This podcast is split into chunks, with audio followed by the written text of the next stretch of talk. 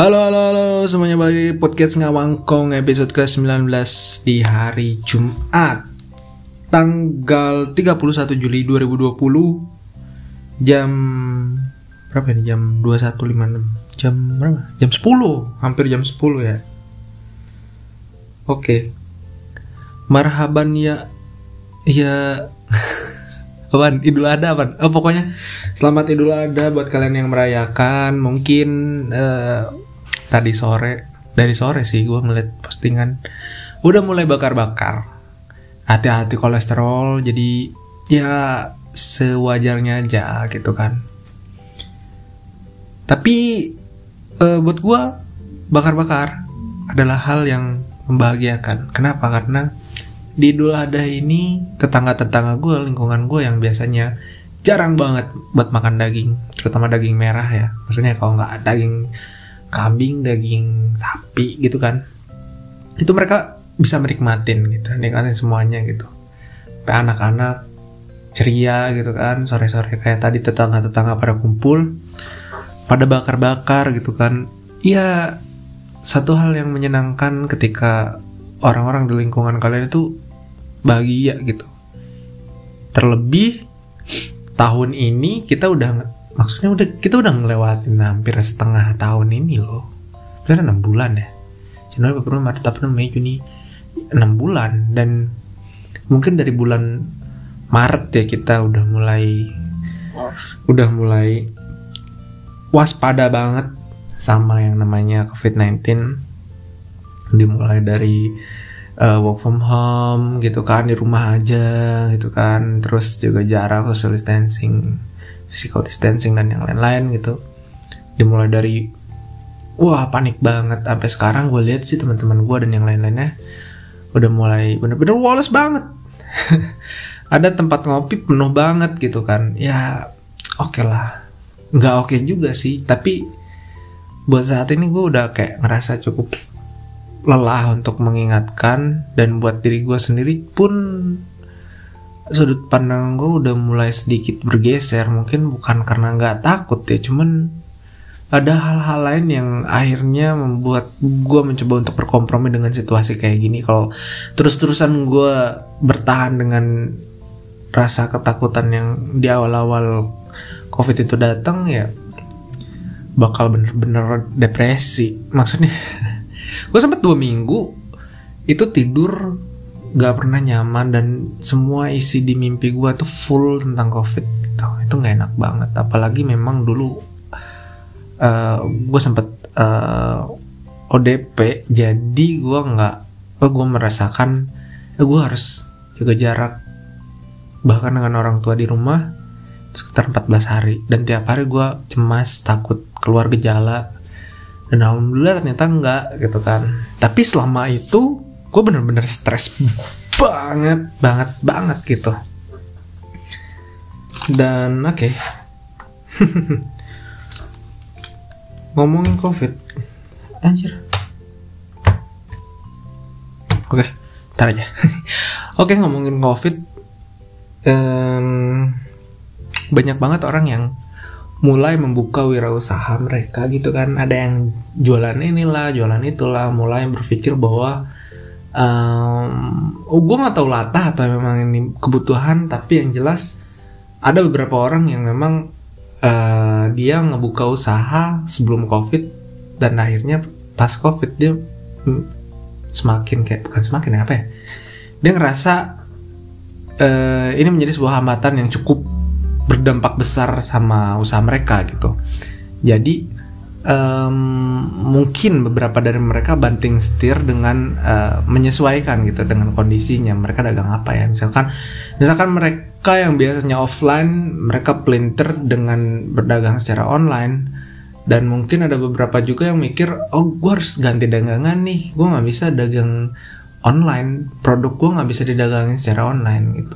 Ya udah, gue tutup dagangan yang ini untuk sementara sampai waktu ya tidak ditentukan gitu sampai covidnya beres. Terus uh, eh, gue dagang apa gitu. Nah terus ada orang-orang temennya ngelihat ih gila lu sukses juga ya dagang kayak gitu. Ya udah gue mau ikutan dagang lah. Nah dari situ mulai muncullah.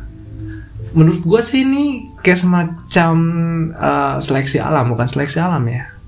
ya sebenarnya Indonesia punya potensi yang sangat besar terhadap UMKM terlebih di masa covid ini UMKM sangat disorot. Kenapa? Karena memang uh, produk-produk uh, ini yang nantinya akan menjadi uh, kekuatan dari negara kita sendiri gitu. Maksudnya orang-orang akhirnya akan sangat terbiasa dengan mm, memproduksi sebuah produk menciptakan sebuah lapangan pekerjaan. Ya kasarnya gini lah naif sih. Maksudnya dari rakyat untuk rakyat kayak gitu itu gue sangat setuju banget sih cuman um, mungkin ada beberapa dari mereka yang masih kayak kebingungan linglung harus ngapain ya? Harus bikin apa ya? Akhirnya mereka ngelihat wah apa yang lagi rame dia hajar dan yang lagi rame itu akhirnya jadi sebuah hal yang membosankan. Ada beberapa hal yang waktu itu sempat booming kayak misalkan uh, apa namanya yang agar-agar itu loh kenapa ya mango sticky rice itu apa gitu? Dulu sebelum covid itu ya. Yang kemarin-kemarin tuh yang pakai cream cheese atasnya itu. Itu kan bener-bener simple gampang banget kan bikinnya kan. Dan orang-orang pada bikin pada jualan yang akhirnya gue kayak gue harus beli yang mana loh temen-temen? Gue dagang dagang itu semua gitu. Bingung juga gue mau beli yang mana gitu kan. Teman gue semua mana masa gue beli semua? gitu kan. Yang mending gue dagang juga. Nah kayak gitu. Akhirnya kayak semacam ngeblank aja gitu. Mereka dikasih lahan banyak banget. Maksudnya banyak banget uh, ada potensi sangat besar di dagang-dagang jualan online kayak gini. Cuman mereka tidak memiliki kesiapan yang cukup untuk uh, mengcreate sebuah usaha yang uh, memiliki ciri khas tersendiri gitu. mereka doang yang punya gitu. Dan akhirnya mereka ya jadi latah aja gitu apa yang hits ya apa yang mereka bikin gitu kan. Ngomong-ngomong tentang hits gue termasuk orang yang kayak uh, kebalikannya dari itu. Kalau hits ya udah gue mau nyari yang lain aja gitu. Ini orang ini udah hits gue mau basah gimana orang semua terjun di situ. Kayak istilahnya ada satu kolam kecil kalau sendirian tuh enak kan. Ih serasa punya sendiri gitu kan. Terus banyak orang penuh mau renang aja nggak bisa gitu kan. Nah makanya gue lebih cenderung mikir buat ya udah gue ganti kolam aja gitu kan. Sebelum covid gue mikir e, kayaknya enak nih sepedaan pakai sepeda lipat. Soalnya dulu gue sering banget ke Jakarta kan gue sampai mikir gini ya udah gue beli sepeda lipat kapan-kapan gue naik kereta ke Jakarta sambil pakai sepeda lipat tuh jalan-jalan Jakarta pakai komuter lain naik turun kayak gitu pakai sepeda lipat. Seru juga kayaknya kan. Terus gue nginep di hotel kapsul gitu. Apa kayak yang budgetnya minim sepedaan seru gitu kan. Ya udah gue beli sepeda lipat. Yang murah-murah aja gitu kan. Nah nggak lama dari situ berapa ya sebulan dari gue beli sepeda kayaknya deh. Covid muncul. Nah, gue mikir aduh kapan gue naik sepeda lagi ya? Karena gue waktu itu tahu ada uh, artikel uh, penelitian gitu ya di WHO bilang kalau misalkan olahraga outdoor kayak lari dan naik sepeda itu pun berpotensi untuk menularkan virus COVID-19 gitu kan.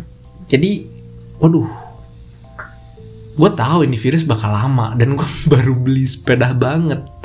Terus kapan gue naik sepedanya gitu kan? Ya udah, terus sepeda nggak pernah gue pakai kan.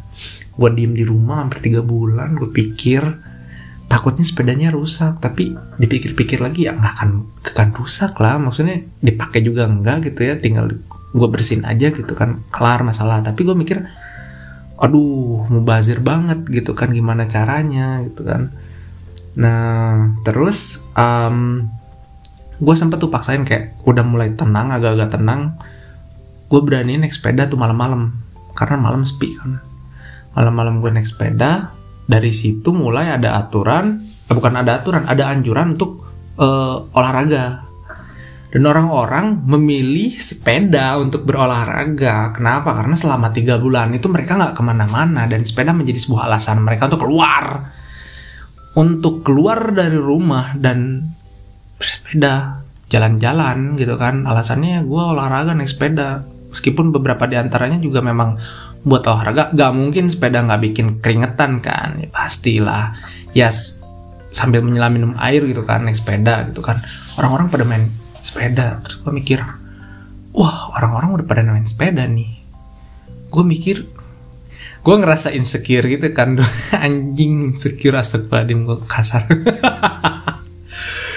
Gue ngerasa nggak aman gitu kan. Gue ngerasa pada pendirian gue tetap COVID-19 bisa ditularkan gitu. Dropletnya bisa terbang sekitar beberapa meter ke belakang kalau kita naik sepeda nggak distancing. Nah sementara ini orang-orang udah pada main sepeda. Ya gue males dong. Ya udah gue mikir gue jual aja kali ya.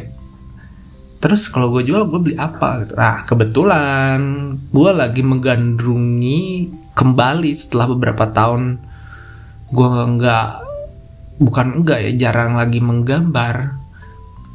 Gue main gambaran lagi gitu setelah gue ngeliat ada uh, Hello Dita di situ. Lucunya apa gambarnya lucu-lucu simple gue cobain dan akhirnya ada beberapa temen juga yang komisian sama gue dan teman gue dan gue mikir hmm menarik juga nih masa pandemi ngegambar dapet duit gitu kan masalahnya gini masalahnya gini ini adalah suatu usaha yang nggak tiap orang bisa sedikit menyombongkan diri aja gitu. Maksudnya ada beberapa orang banyak banget yang bisa cuman segmented banget maksudnya segmented jadi gini ada orang yang pengen usaha kayak gitu tapi dia nggak bisa ngelakuinnya karena dia mungkin nggak bukan nggak jarang dan bahkan nggak pernah bikin gambar seberes itu gitu. Mungkin bisa beres cuman perspektif lain bilang mungkin gambarnya nggak terlalu bagus gitu kan. Nah gue punya kesempatan itu dong. Gue bisa ngegambar gue bisa bikin karya gue bisa bisa create sesuatu yang gue sendiri ngepush diri gue pengen harus harus harus harus bisa bikin usaha atau kegiatan yang emang beda dari yang lain gitu. Ya minimal nggak ter belum belum rame gitu. Dan gue mikir uh, bikin commission art kayak gini ya nggak semua orang bisa juga. Adapun yang pengen ya kalau dia nggak bisa deh dia dia nggak bisa bikin. Ya nggak bisa gitu loh. Ini segmented banget gitu. Segmentednya bukan buat target audiensnya atau target marketnya tapi buat orang yang create nih gitu. Ya gue semangat dong. Nah akhirnya gue kepo kepoin tuh si Alodita ini. Dan gue ngelihat bahwa dia ngegambarnya nggak pakai laptop nggak pakai pen tablet dan sementara itu gue masih pakai Wacom bambu yang ini yang lama yang zaman gue kuliah. Yang dari tahun 2010 hampir 10 tahun nih tabletnya gitu kan sama laptop. Nah waktu itu gue ada komisin buat ngegambar di sebuah uh, social commerce e-commerce gitu namanya Moselo. Di situ ngejual barang-barang art maksudnya handmade gitu buatan Indonesia karya anak-anak bangsa. Anjay anjay nggak tuh? Gitu kan nah gue gue ngeliat eh apa gue gue dapat commission. Gue lagi ngegambar dan di saat yang sama um, temen gue minta buat ngegambarin temennya juga. Gue mikir uh, agak repot juga kalau misalkan gue harus bikinnya depan laptop atau depan komputer di rumah gue dan ya terlalu kaku aja gitu harus ngerjainnya. Kayak lo kerja terus pulang terus di rumah kerja lagi ibaratkan itu kerja gitu kan. Uh, terus gue ngeliat postingan si Hello Dita ini dipakai iPad.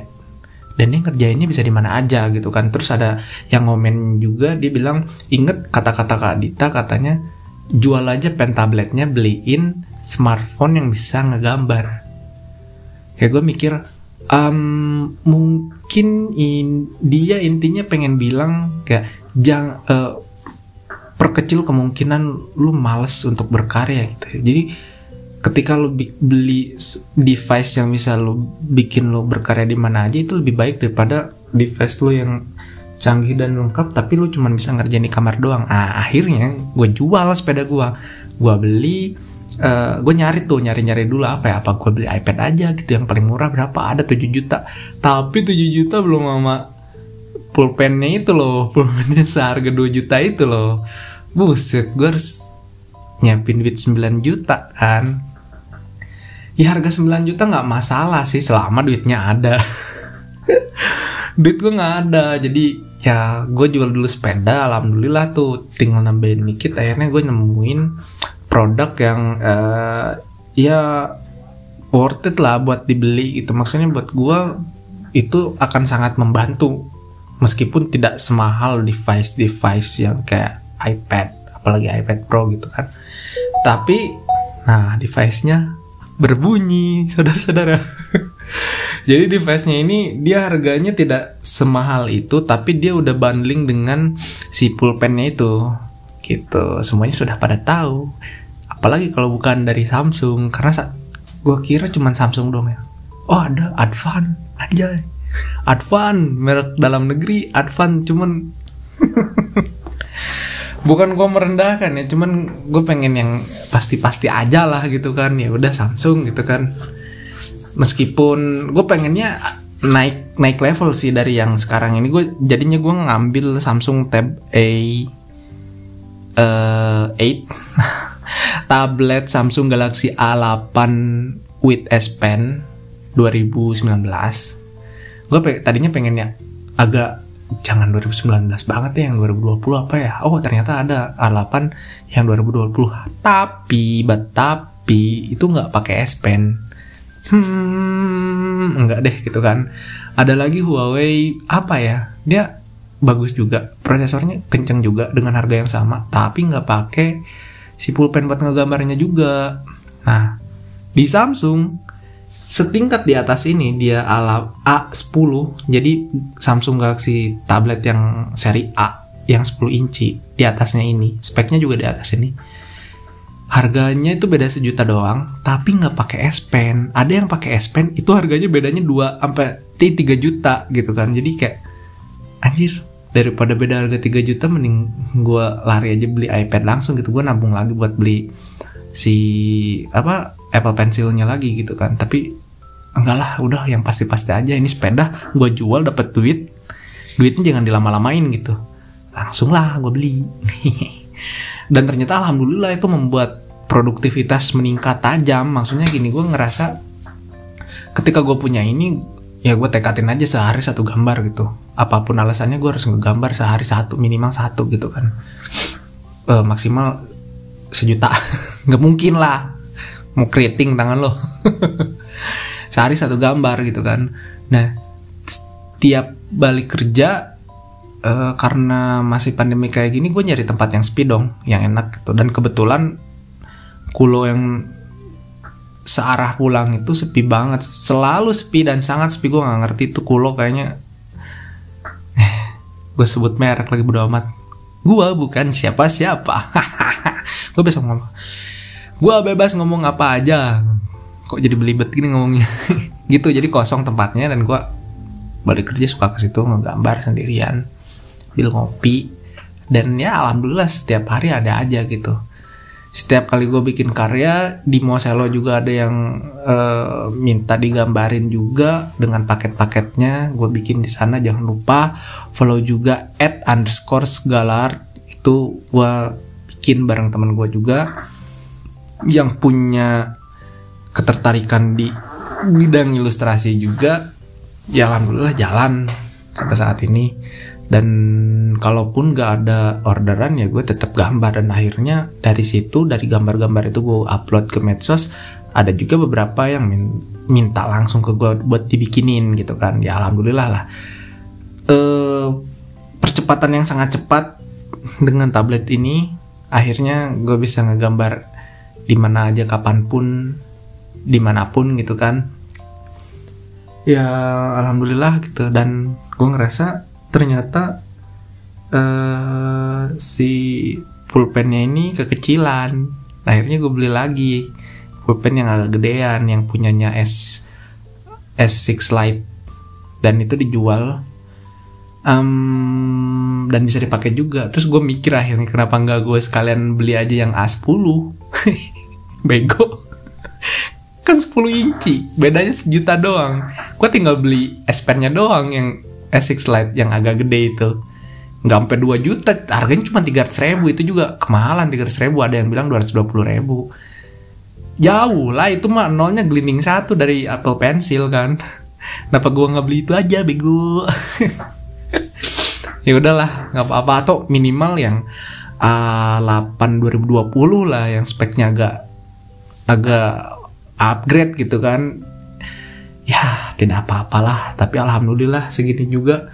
Gue udah bikin banyak karya dengan tablet ini mengisi waktu luang gue melepas rasa stres dari covid-19 ini dan baik lagi usaha ini gue ngerasa bahwa ini nggak semua orang uh, bisa ngelakuin dan gue ngerasa ini adalah usaha yang aman. Maksudnya aman gini ketika ini bakal jadi nge-hype gitu di kalangannya nggak semua orang nggak semua orang bisa ngelakuin ini gitu kan. Dan kapan sih nge-hype-nya? Nggak tahu. Apakah bakal nge-hype? Gue juga nggak tahu. Tapi jujur bikin-bikin gambar yang kayak gini ngelepas stres sih. Dulu gue ngegambar itu cuma buat ngelepas stres. Dan sekarang gue tiap hari ngegambar which is gue stres tiap hari